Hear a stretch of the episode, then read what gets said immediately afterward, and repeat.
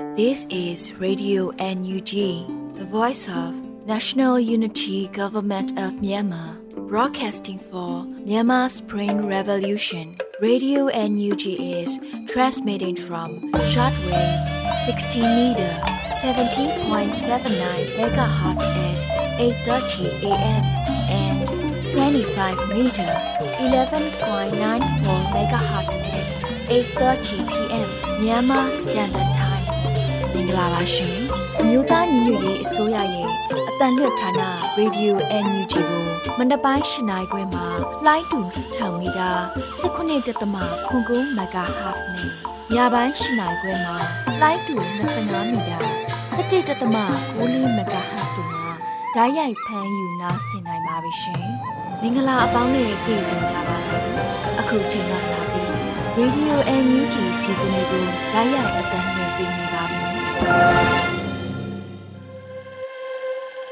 မြန်မာနိုင်ငံသူနိုင်ငံသားအပေါင်းတဘာဝပေးစစ်အာဏာရှင်ပြည်တို့ကနေကင်းဝေးပြီးကိုစိတ်နှပါဘေးကင်းလုံခြုံကြပါစေလို့ရေဒီယိုနီးဂျီနဲ့ဖွဲ့သားတွေကဆုတောင်းမြတ်တာပို့သလာရပါတယ်ခင်ဗျာအခုချိန်ရစပြီးရေဒီယို NUG ရဲ့စည်ရေးသတင်းကောက်နှုတ်ချက်များကိုတော့ရန်နိုင်မှတင်ပြပေးသွားမှာဖြစ်ပါတယ်ခင်ဗျာရေဒီယို NUG သောတာရှင်များမင်္ဂလာပါခင်ဗျာခုချိန်ရစပြီး2024ခုနှစ်ဇန်နဝါရီလ29ရက်ညပိုင်းမှာတင်ပြပေးမယ် ရေဒီယို NUG စီရေးသတင်းများကိုဖတ်ကြားတင်ပြပေးသွားမှာဖြစ်ပါတယ်။ကျွန်တော်ကတော့ရန်နိုင်ပါခင်ဗျာ။ပထမဆုံးတင်ဆက်ပေးခြင်းတဲ့စီရေးသတင်းကတော့စစ်အာဏာရှင်စနစ်ကိုတော်လှန်နေကြသူများအားလုံးယခုထက်ပိုမိုအားထုတ်ကြိုးစားကြရန်ညီနောင်သုံးဖွဲ့တိုက်တွန်းလိုက်တယ်ဆိုတဲ့သတင်းပဲဖြစ်ပါတယ်။တာဝန်ကျေသောပြည်သူများရဲ့ပေးဆပ်မှုအနစ်နာခံမှုများကိုအတိမတ်ပြုသောအဖြစ်စစ်အာဏာရှင်စနစ်ကိုတော်လှန်နေကြသူများအားလုံးယခုထက်ပိုပြီးအားထုတ်ကြိုးစားဖို့လိုအပ်နေသေးတဲ့အတွက် ပိုပြီးအားစိုက်ကြရန်ညီနောင်မဟာမိတ်သုံးဘွဲကထပ်မံတိုက်တွန်းလိုက်ပါတယ်စစ်အာဏာရှင်စနစ်ကိုအလိုမရှိတဲ့ပြည်သူများအနေနဲ့ယခုတစ်ချိန်ဟာနောက်ဆုံးအခွင့်အရေးနဲ့နောက်ဆုံးတိုက်ပွဲဆိုတဲ့စိတ်သက်ခွန်အားနဲ့ဆင်းရဲဒုက္ခမျိုးစုံကိုကြိတ်မိတ်ခံစားရင်စစ်အာဏာရှင်များကိုရရနီးလန့်ဖြင့်တော်လှန်တိုက်ပွဲဝင်နေတာဟာစစ်တပ်ကအာဏာစသိမ်းခဲ့ချိန်ကနေဒီကနေ့ချိန်ထိပင်ဖြစ်တယ်လို့လည်းပြောထားပါတယ်။စခန်းတွေတစ်ခုပြီးတစ်ခုနေ့စဉ်ရက်ဆက်လက်လွတ်ဆုံးရှုံးနေတဲ့စစ်ကောင်စီဟာ ရှုံးမဲ့မဲ့ပြီးအယတာပြည်သူလူထုကိုပြစ်မှတ်ထားတိုက်ခိုက်ခြင်းနဲ့မြို့ရများကိုလေကြောင်းလက်နက်ကြီးများဖြင့်ပစ်ခတ်တိုက်ခိုက်ခြင်းများကိုအဓိကထားပြုလုပ်နေတယ်လို့ညီနောင်သုံးဘွဲကဆိုပါတယ်။အခုလိုစစ်ကောင်စီကပြည်သူလူထုအပေါ်ရုံမာတဲ့လုပ်ရက်တွေမြန်မာနိုင်ငံအနှံ့ဖြစ်ပျက်နေတယ်လို့လည်းအသိပေးထားပါတယ်။မြန်မာပြည်သူလူထုတရလုံးရဲ့စိတ်ထဲမှာလည်းရုံမာအောက်တန်းကြတဲ့ဖက်စစ်စစ်တပ်ကိုအလုံးမရှိတော့တဲ့အပြင်ဖက်စစ်အကြမ်းဖက်တပ်ကိုဥဆောင်နေသူများမရှိမှ စစ်ဘေးဒုက္ခအန္တရာယ်ကနေကင်းလွတ်နိုင်မယ်ဆိုတာကိုရိတ်ကြုံနေကြရတဲ့ပြည်သူလူထုတရလုံးကအကျွမ်းမဲ့ယုံကြည်ထားပါတယ်။၁၀နှစ်ခွန်စစ်စင်ရေးကထွက်ပေါ်လာတဲ့ရလက်မြင်ကွင်းတွေဟာဒီကနေ့ချိန်ထိအနစ်နာခံပေးဆက်နေတဲ့ပြည်သူတွေအတွက်ပေးဆက်ရကြုံနတ်တာကိုတက်တည်ပြပေးနေခြင်းဖြစ်တယ်လို့ဆိုပါတယ်။ဒါကြောင့်တောင်ဝန်ကျေးတဲ့ပြည်သူတွေရဲ့ပေးဆက်မှုအနစ်နာခံမှုများကိုအတိမတ်ပြုတဲ့အနေနဲ့စစ်အာဏာရှင်စနစ်ကိုတော်လှန်နေကြသူများအနေနဲ့ယခုထက်ပုံမအားထုတ်စ조사ကြဖို့ ညီတော်မဟာမိတ်သုံးဘွဲကတိုက်တွန်းလိုက်တာပဲဖြစ်ပါတယ်ခင်ဗျာအခုတခါဘဝတူညီတော်မဟာမိတ်များနဲ့အတူစစ်ကောင်စီကိုပြန်တိုက်ခိုက်မယ်လို့ PNL လို့ကြေညာလိုက်တဲ့သတင်းကိုလည်းတင်ဆက်ပေးပါမယ်အပြစ်ရဲ့ NCA စာချုပ်မှာလက်မှတ်ရေးထိုးထားတဲ့ပအိုးအမျိုးသားလွတ်မြောက်ရေးအဖွဲ့ချုပ် PNL ကဘဝတူညီတော်မဟာမိတ်တွေနဲ့အတူစစ်ကောင်စီကိုပြန်လည်တိုက်ခိုက်မယ်လို့ဇန်နဝါရီလ26ရက်ညမှာတရားဝင်ထုတ်ပြန်ကြေညာလိုက်ပါတယ် စစ်အာဏာရှင်စနစ်ချုပ်ငြိမ်းပြီးပြည်သူလူထုတရလုံးလိုလားတောင်းတနေတဲ့ Federal Democracy စနစ်ကိုဖော်ဆောင်နိုင်တဲ့အထိဘဝတူညီတော်မဟာမိတ်များနဲ့အတူတိုက်ပွဲဆင်နွှဲသွားမယ်လို့ဆိုပါတယ်။ဒါ့ပြင်လက်ရှိစစ်ရေးပဋိပက္ခမှာပိုးအမျိုးသားအချင်းချင်းအပြန်အလှန်ပစ်ခတ်တိုက်ခိုက်တာလုံးဝမဟုတ်တဲ့အတွက်စစ်ကောင်စီရဲ့စီမံခန့်ခွဲမှုအောက်မှာရပ်တည်နေတဲ့ပိုးအမိခံလက်နက်ကိုင်တပ်ဖွဲ့အနေနဲ့အမျိုးသားလွတ်မြောက်ရေးလမ်းကြောင်းပေါ်သို့ကူးပြောင်းရပ်တည်ကြဖို့တိုက်တွန်းထားပါတယ်။ဒါဟာ စစ်ကောင်စီလက်အောက်မှာပြည်သူစစ်အဖြစ်ရှိနေတဲ့ဥအောင်ခန်းတီဦးဆောင်တဲ့ PNO အဖွဲ့ကိုပြည်သူ့ဘက်ရပ်တည်ဖို့တိုက်တွန်းလိုက်တာဖြစ်နိုင်တယ်လို့စီရေးလေလာသူတွေကသုံးသပ်ထားပါတယ်။ PNL လို့ PNL နဲ့မဟာမိတ်တော်လှန်ရေးတပ်ဖွဲ့တွေဟာဇန်နဝါရီလ24ရက်ကစပြီးစီဆိုင်မြို့ကစစ်ကောင်စီတပ်စခန်းတွေကိုတင်ပိုက်ပြီးမြို့ကိုထိန်းချုပ်ထားတာကြောင့်စစ်တပ်ကလေကြောင်းကနေဘုံကျဲတိုက်ခိုက်မှုတွေပြုလုပ်လာတဲ့အတွက်ရှမ်းတောင်ဒေသမှာတိုက်ပွဲတွေပြင်းထန်နေတာလည်းဖြစ်ပါတယ်။စစ်အုပ်စုအာဏာသိမ်းပြီးတဲ့နောက် NCA လက်မှတ်ရေးထိုးကစစ်ကောင်စီနဲ့ဆက်လက်ဆွေးနွေးနေတဲ့တိုင်းသားလက်နက်ကိုင်အဖွဲ့ခုနှစ်ဖွဲ့ရှိတဲ့နဲ့ PNLO ဟာစစ်ကောင်စီကိုပြန်လည်တိုက်ခိုက်မယ်လို့ကြေညာလိုက်တဲ့ပထမဆုံးအဖွဲ့ဖြစ်လာခဲ့ပါတယ်ခင်ဗျာအခုတင်ပြခဲ့တဲ့စီးရဲသတင်းတွေကိုတော့ Radio NUG သတင်းတောက်မင်းတီဟန်နဲ့ကိုခန့်တို့ကပေးပို့ထားတာပဲဖြစ်ပါတယ်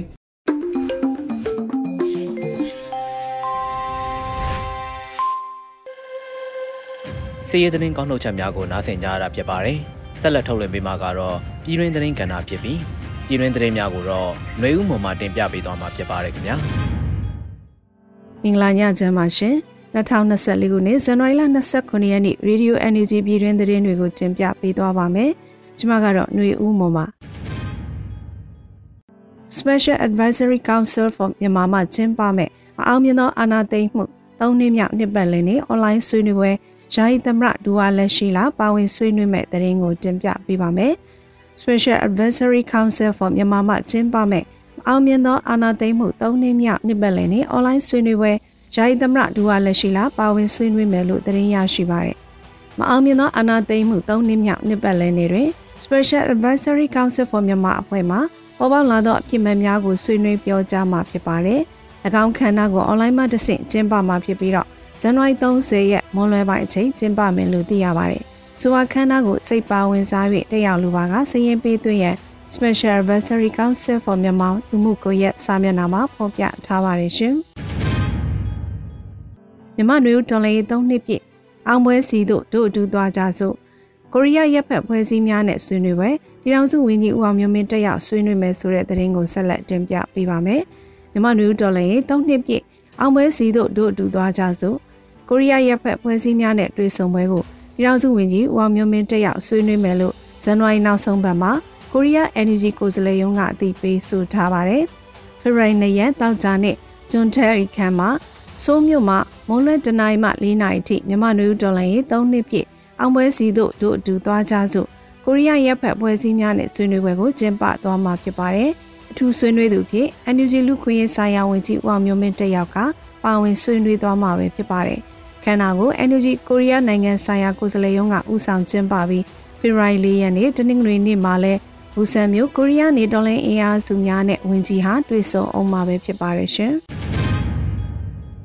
နိုင်ငံခြားရေးဒုတိယဝန်ကြီးဦးမိုးစုံနဲ့တမ်မဲကြီးဦးကျော်မိုးထွန်းတို့ American Duck University မှကျောင်းသားများနဲ့တွေ့ဆုံတဲ့သတင်းကိုဆက်လက်တင်ပြပေးပါမယ်။နိုင်ငံခြားရေးဒုတိယဝန်ကြီးဦးမိုးစုံနဲ့တမ်မဲကြီးဦးကျော်မိုးထွန်းတို့ American Duck University မှကျောင်းသားများနဲ့တွေ့ဆုံခဲ့တယ်လို့သတင်းရရှိပါရယ်။ American စံတော်ချိန်ဇန်နဝါရီ26ရက် American Duck University မှာအဆိုပါတွေ့ဆုံပွဲခမ်းနားကိုကျင်းပခဲ့ပါတယ်။၎င်းခမ်းနားမှာမြို့သားညီညွတ်ရေးအစိုးရ NUG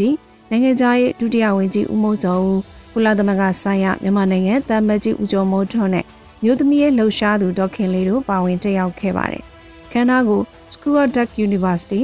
ASEAN Pacific Studies Institute စီစဉ်မှုနဲ့ Duck University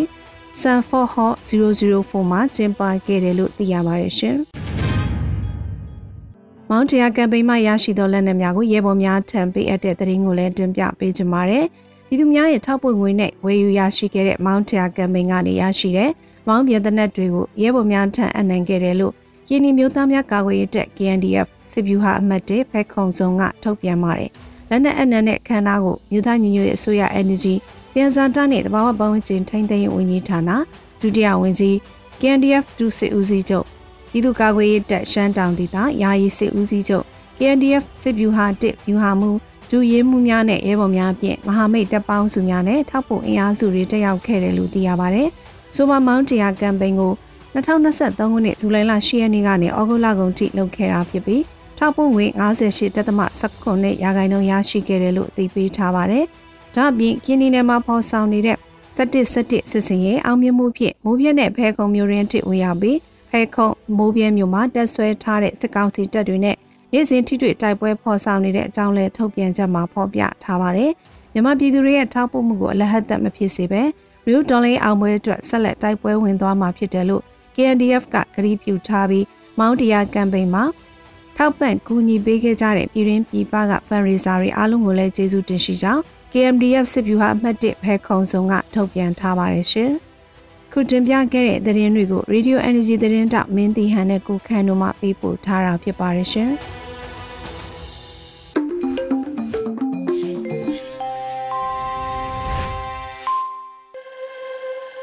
ရေဒီယို NUG ရဲ့ညနေပိုင်းစီစဉ်များကိုဆက်လက်အသံလွှင့်ပေးနေပါတယ်။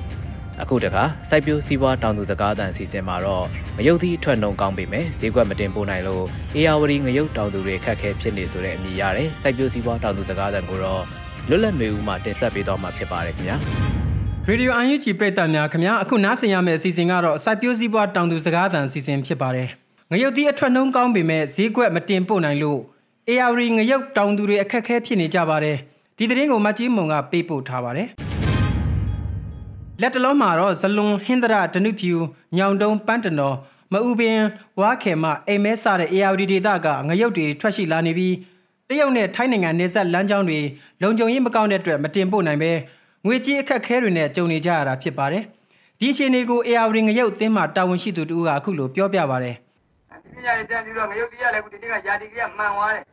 အဲ့တော့အန်ဒီနိုရာသီဥတုကငရုတ်တိအတွက်ကကောင်းတယ်ပေါ့နော်ဆိုတိုင်းသာနေတဲ့ရာသီဥတုဆိုတော့မိုးကြတော့မိုးကြကြမှာမိုးတိုင်းကြလို့မှလာဖြစ်ပြီးတော့ပေါ့နော်အခုချိန်မှာတော့အတိအတအားထွက်လာမနစ်ကဆိုဂိုင်းပြားပုတ်တွေမိုးများတဲ့ခါကျတော့နောက်ပိုင်းမိုးများတော့ဂိုင်းပြားပုတ်ကြတယ်အခုဒီနေ့ကဂိုင်းပြားပုတ်လည်းအတိကကောင်းကောင်းပြောတယ်အခုဒီနေ့ဆိုဟိုဒီတက်တော့ကောင်းကောင်းရတယ်ဒါပေမဲ့သွားလို့မရတဲ့ပြဿနာကတော့အကြီးပဲငရုတ်တောင်သူတွေအားထားကြတာကပြပဝယ်လက်များတဲ့ငရုတ်တီးအမဲ့ဆိုဖြစ်ပြီးဈေးကွက်မကောင်းလို့ငရုတ်ဆိုတွေကိုအချောက်လှမ်းထားရပါတယ်ဒီလိုငရုတ်အချောက်လှမ်းထားရတာကလည်းတရားဒီပြီးတရားဒီပုံလာလို့ထားတူရခက်လို့ပျက်စီးတာတွေရှိသလို ငရုတ်6ဈေးကွက်ကလည်းကျဆင်းလာနေပါတယ်။ဒါကြောင့်ငရုတ်ပေါ်ချိန်မှာမယောင်းရလို့အေယာဝတီကတောင်သူတွေအခက်ခဲရှိနေကြပေမဲ့အကြမ်းဖက်စစ်တပ်ကမြို့ရွာတွေကိုဖျက်လေးဖျက်အစီအစဉ်နဲ့ပိတ်ဆို့ထားတာကြောင့်ရခိုင်ပြည်နယ်လိုဒေသတွေမှာငရုတ်သီးပြတ်လတ်တဲ့အခက်ခဲတွေနဲ့ရင်ဆိုင်နေရပါတယ်။ဒီအခြေအနေကိုစစ်တွေဒေသခံတူကအခုလိုပြောပြပါတယ်။ရခိုင်ဘက်မှာတော့လောလောဆယ်မှာတပိုင်တိုင်းလေးအခုမှပြန်ဆိုင်တပိုင်တိုင်းပဲဆိုင်ရပါတော့ကိုယ့်ရဲ့ရွာစားကိုကိုစားကိုစိတ်ကြတဲ့လေးရှိတယ်။ဒါပေမဲ့ဒီနှစ်လလောက်အတွင်းမှာငရုတ်တီးက စားဖို့အတွက်မထွက်သေးဘူးပေါ့အဲ့လိုဖြစ်တဲ့အဲ့ကငကိုရှိတဲ့အားလေးကိုစားတယ်အဲအချို့ကတော့ရခိုင်မှာအဲရဲ့တန်တွဲရဲ့ကြောက်ဖြူရဲ့စစ်တွေရဲ့ကတော့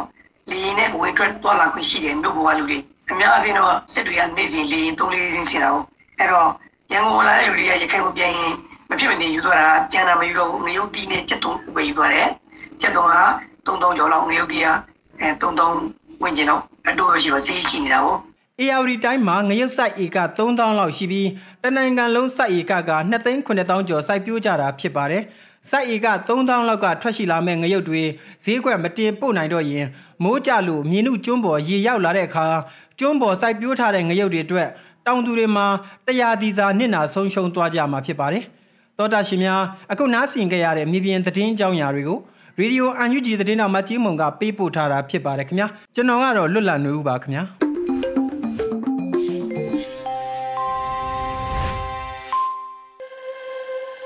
နာတော်တာရှင်မိဘပြည်သူများအတွက်ဆက်လက်ထုတ်လွှင့်ပေးမှာကတော့မြမနွေဦးခရိုနီကယ်ဇန်နဝါရီလ26မြင်ကွင်းမိုးမခဆောင်းပါပဲဖြစ်ပါတယ်။တိုင်းသားလက်နက်ကိုင်အဖွဲ့တစ်ဖွဲ့ရဲ့စစ်ကြေညာခြင်းအမည်ရတဲ့မြမနွေဦးခရိုနီကယ်ဆောင်းပါကိုတော့ရန်နိုင်မှဖတ်ကြားတင်ပြပေးတော့မှာဖြစ်ပါတယ်ခင်ဗျာ။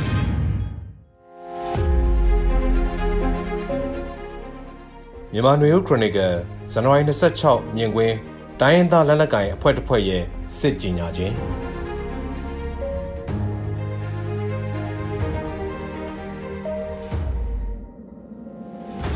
ဆယ်စုနှစ်တခုကျော်ကြာ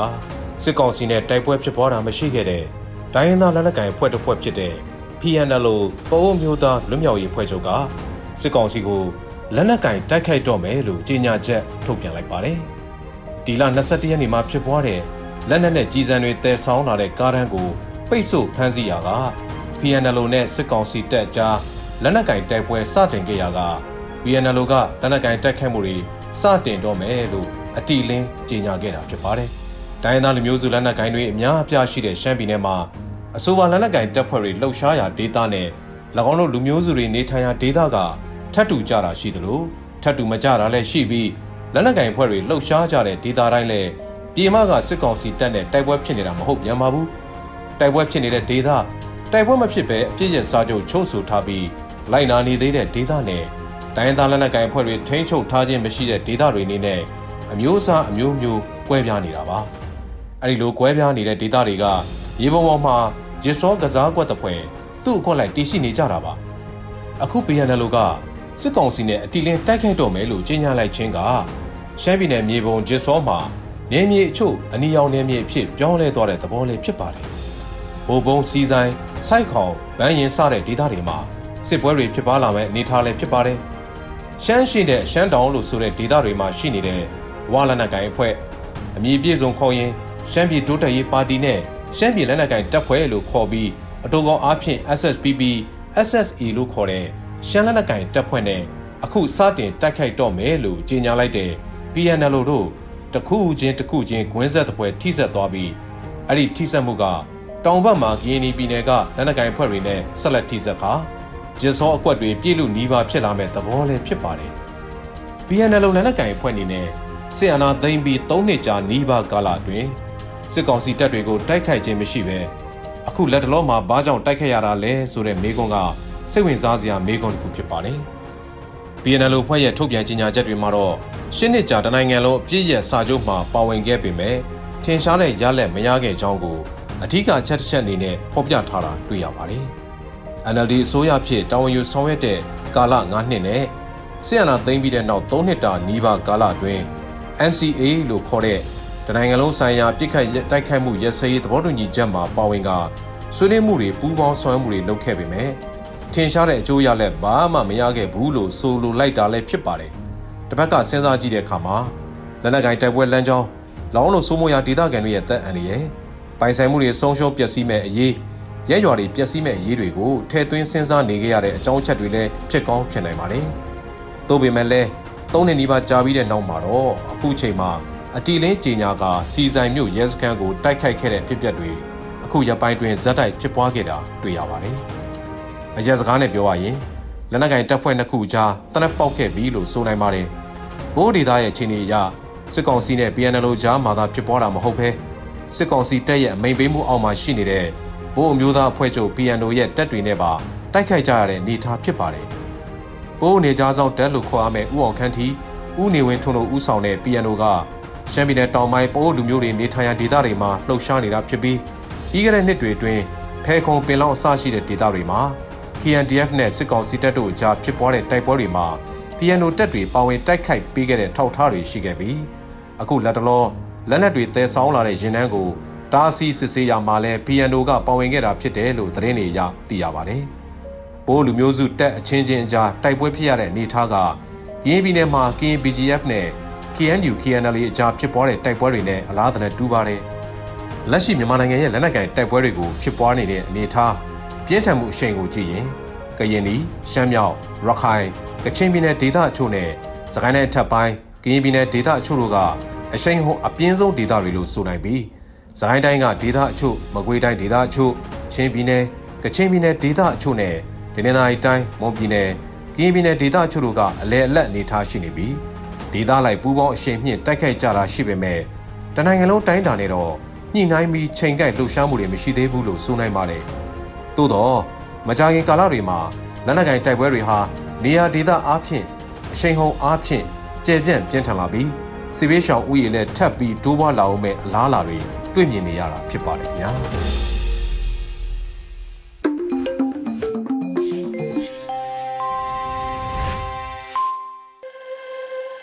ရေဒီယိုအဒီဂျီမှာဆက်လက်တန်လွှင့်ပေးနေပါတယ်။အခုတစ်ခါထုတ်လွှင့်ပေးမှာကတော့တော်လန်ဟီတေဂီတာအစီအစဉ်ပဲဖြစ်ပါတယ်။ Gray ရေးသားပြီးမင်းမြတ်တီဆိုတဲ့တော်လန်နေစေအမိရတဲ့တော်လန်ဟီတေဂီတာကိုနားတော်တာဆင်ကြမှာဖြစ်ပါတယ်ခင်ဗျာ။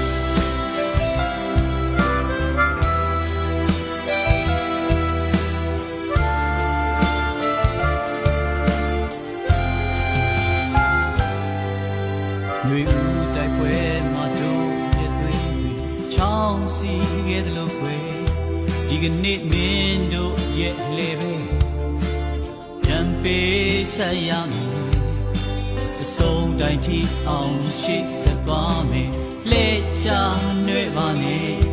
လူငယ်ပြလက်နဲ့တိုင်းဆွဲမိစ္ဆာမြင်ွယ်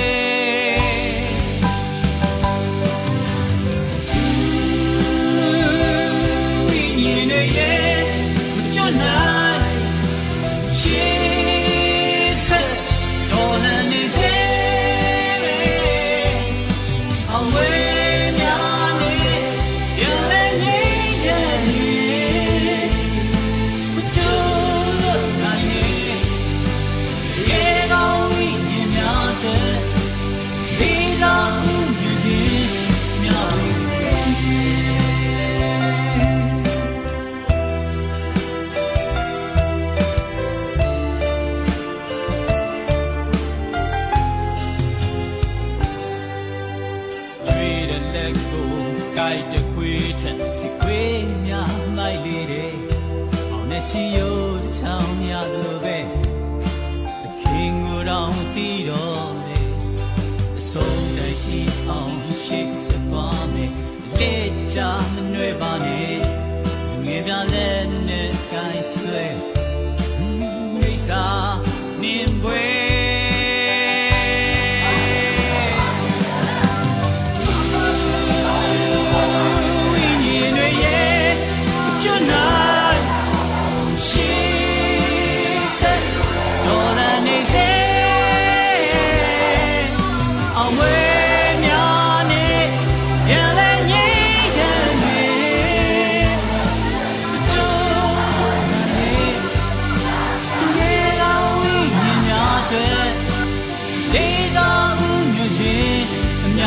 see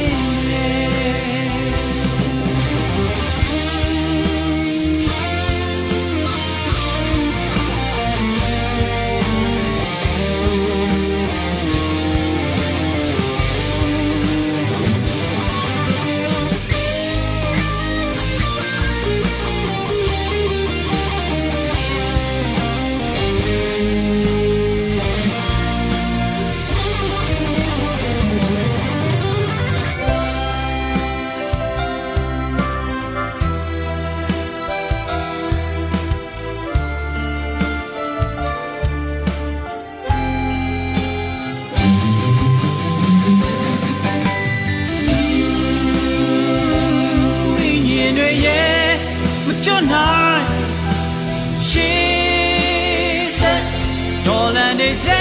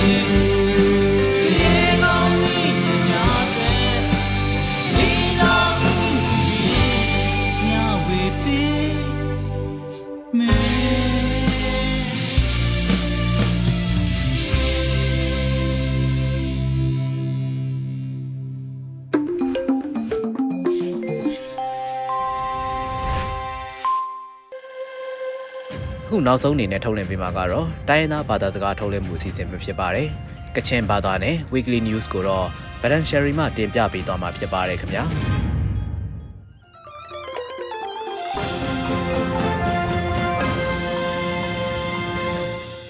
စောရိုင်ဂျေရိုဘွန်ပေါ်မြူရှာနေရောဝိပြောစင်စငါနေကလောရေဒီယိုအန်ယူဂျီအပန်မီလမန်ပြလိုက်ဝါဆိုင်ဖောင်စတုံရှိကနေဖက်ငိုင်ပဒံရှိကောနာထွန်ရှလက်ရမှာတော့ဆနာရယ် ရရှောင်းနန်ခုနာကွန်ရှမ်မြန်ဖြန်တပ်နီကိုမုံရှာစတာတစခတ်ဝါနာမတူကလောငါအိုင်ငါနာဆွနေရှိကပဲတမတွညာနာရယ်ဂျန်နွေစတာကွန်ဆုမြရှနီတကလောအိုင်အစိုးရဖုံစဖောင်ချခရိမန်တကျယာနာဆွန်ဆွနေရ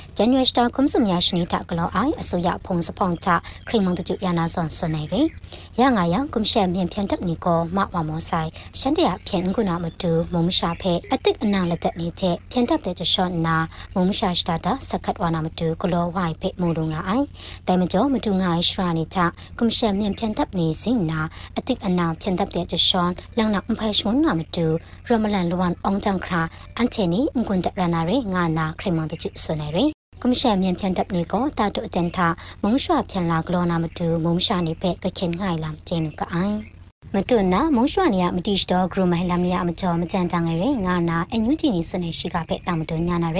မြန်ဖြန်တပ်နီအားတပ်နီစိန်မရနီစိန်လာလွယ်လမ်ကိုမုံရွှမကာတာ PDF မုံရွှမကောမကဖုံပကဖတဲ့ရမလမ်ဖုံနီဂရောင်းနာလျံကားချခေါနင်ချန်တိုက်ပြန်ဖက်တင်ယံကဆက်သားလွယ်လမ်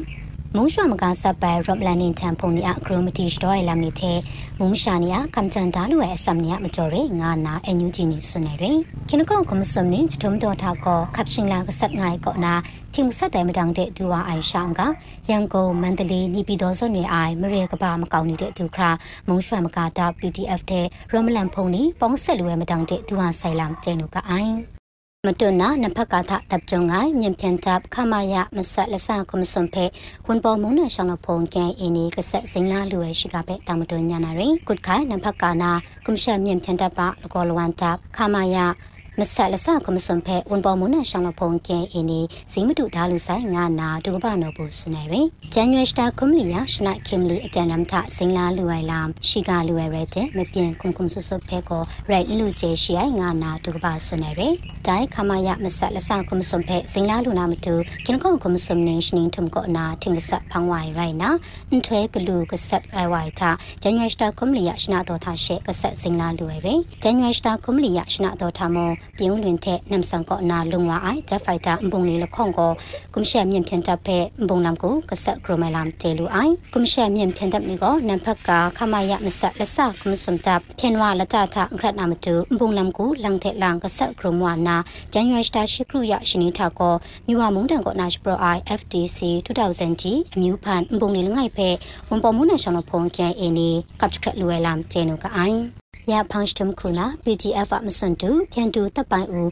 မစွန်တူအရာကော့နာတမ်ကောက်ခရမရှိကဖဲတာမတော်ညာနာရယ်ကရင်မုံ PGF အမစွန်တူတပ်ပိုင်ဦးပဲကရင်မုံတော့ PGF ဖုန်နေဖဲလူမစွန်နိုင်ငွေကပေါ်တဲ့မစွန်တူအရာကော့နာတမ်ကောက်ဟဲလာကရင်ရှိကတပ် KNC ထစွန်နေရယ်ကရင်မုံတော့ PGF နေကွန်ရှန်မြန်ဖြန်တပ်ကောနာရှပရိုက်တဲ့လူရှာအလိုက်ရှာလက်ဆန်ငါနာခုနာတောင်မတွန်ဝိုင်ပဲကွန်ရှန်မြန်ဖြန်တပ်မကနာ PGF ဒုကဘာနေတဲ့မတွမခါချခုပလဲဝိုင်ရိုင်နာဂျန်전유하시다 시지구야 신이다고 금시에 년텐다바 전신아 크레마 우멍마 옹테 두 답바이 우니 BGF 닝건 아무무투 캔두 서치두가 아이 라인보에 닝턴 자이머레 두그라 사두 크롭팅몽 마산 인사이 나나 KNC 타 선장아이레 그이몽도 BGF 봉니고 동심 숨가나 동능아이타 봉골 마사 마시 크루가 아이 응군바 아이 답랑아이레 나나 BGF 테 니에니 소나건 제루 아이레 ပါမီလမန်ပြည်လဲဝါဆိုင်ဖောင်းစတမရှိကနေပဲလက်ကြောင့်ပွဲရလမန်ကောအတက်ကုံဆိုင်ခုရရေဒီယိုအန်ယူဂျီရရှိကနေဖက်ခပလာမတတ်အိုင်စောရအိုင်ကျရဝန်ပေါ့မျိုးရှာနေရောဖက်ခရိုက်ချီတူကပါဆိုင်လော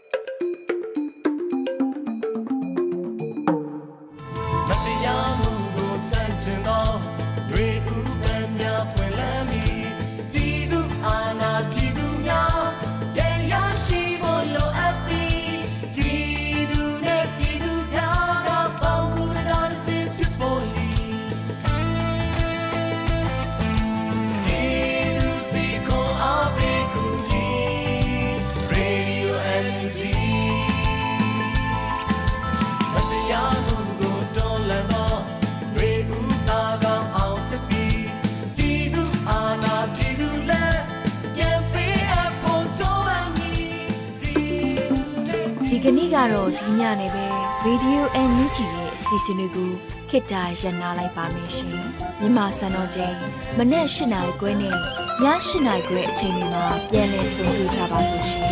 Radio NUG ကိုမနေ့ပိုင်း၈နိုင်ခွဲမှာလိုင်းတူ16မီတာ19.7 MHz နဲ့ညပိုင်း၈နိုင်ခွဲမှာလိုင်းတူ25မီတာ17.6 MHz တို့မှာဓာတ်ရိုက်ဖမ်းယူနားဆင်နို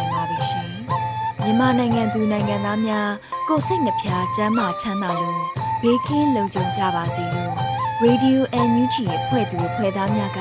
ဆုတောင်းလိုက်ရပါတယ်။ San Francisco Bay Area အခြေဆိုင်မြန်မာမိသားစုများနိုင်ငံတကာကစေတနာရှင်များလို့အားပေးကြတဲ့ Radio NUG ဖြစ်ပါတယ်ရှင်။အရေးတော်ပုံအောင်ရမည်။